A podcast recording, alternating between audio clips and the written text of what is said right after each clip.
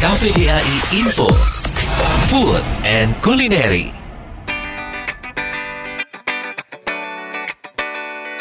Hai Sobat KVDAI, bagi Anda yang sedang mengunjungi berbagai tempat wisata menarik di Sulawesi Utara, tidak lengkap rasanya jika tidak mencoba beberapa makanan khas Sulawesi Utara. Cita rasa kuliner asli Sulawesi Utara tidak kalah dengan kuliner yang berasal dari daerah lain di Indonesia. Tak heran, Sulawesi Utara menjadi salah satu destinasi wisata kuliner di Indonesia yang wajib untuk dikunjungi.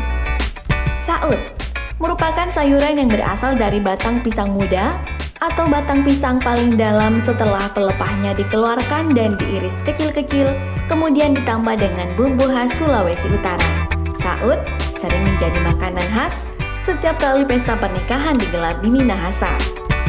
Selanjutnya adalah ikan payangka.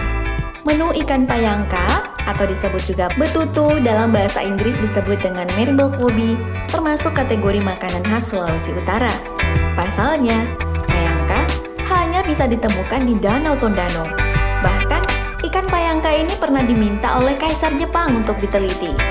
Ikan yang hidup di dasar air Danau Tondano ini sangat enak jika digoreng.